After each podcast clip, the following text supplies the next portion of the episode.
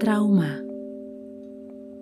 Ketika seseorang mengalami tekanan emosional dan psikologis yang besar, biasanya diakibatkan kejadian yang sangat disayangkan atau pengalaman yang berkaitan dengan kekerasan.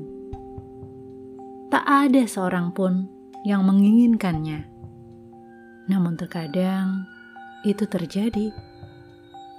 Tak hanya perlu waktu untuk memulihkannya, tapi juga pembaruan akal budi dan pengampunan, baik untuk pihak lain maupun diri sendiri. Apa yang sudah terjadi sulit untuk diperbaiki dan tak mungkin diulang kembali. Namun, yang ada sekarang inilah yang perlu dijaga agar tak mengulang kesalahan yang dapat mengakibatkan trauma.